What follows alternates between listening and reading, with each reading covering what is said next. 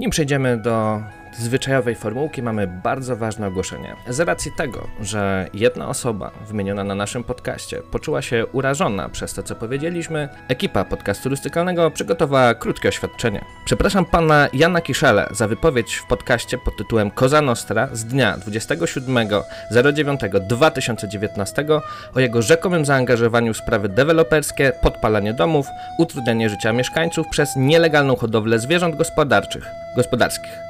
Nasza pomyłka wynikła z niedostatecznego zapoznania się z tematem i zbieżności nazwisk. Pan Jan Kiszela nie ma z wyżej wymienionymi sprawami nic wspólnego. Nasza wypowiedź uraziła dobre imię pana Jana Kiszeli i szacunek do jego osoby jako człowieka. Oczywiście przepraszamy za wszystkie niedogodności, które mógł wywołać ów odcinek. Osoba wywołana na podcaście absolutnie nie była sprecyzowana. Nie mieliśmy żadnego konkretnego Jana na myśli, a szczególnie pana, panie Janie.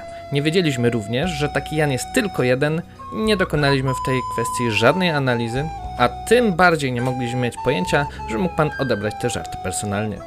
Ekipa podcastu turystykalnego żywi nadzieję, że pan Jan nie będzie bardzo długo chował y, urazy za tą dosyć przypadkową y, zbieżność y, imion i jeszcze kiedyś, po otrzymaniu zaproszenia do naszego studia, zostanie gościem specjalnym naszego odcinka.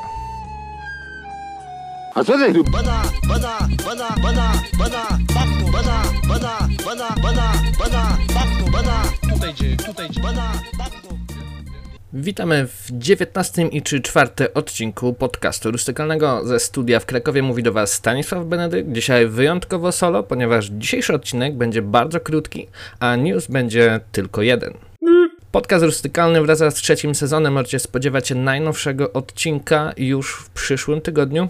Także mam nadzieję, że nie zapomnieliście o nas, odkurcie słuchawki i wrócicie razem z nami do rustykalnych wydarzeń.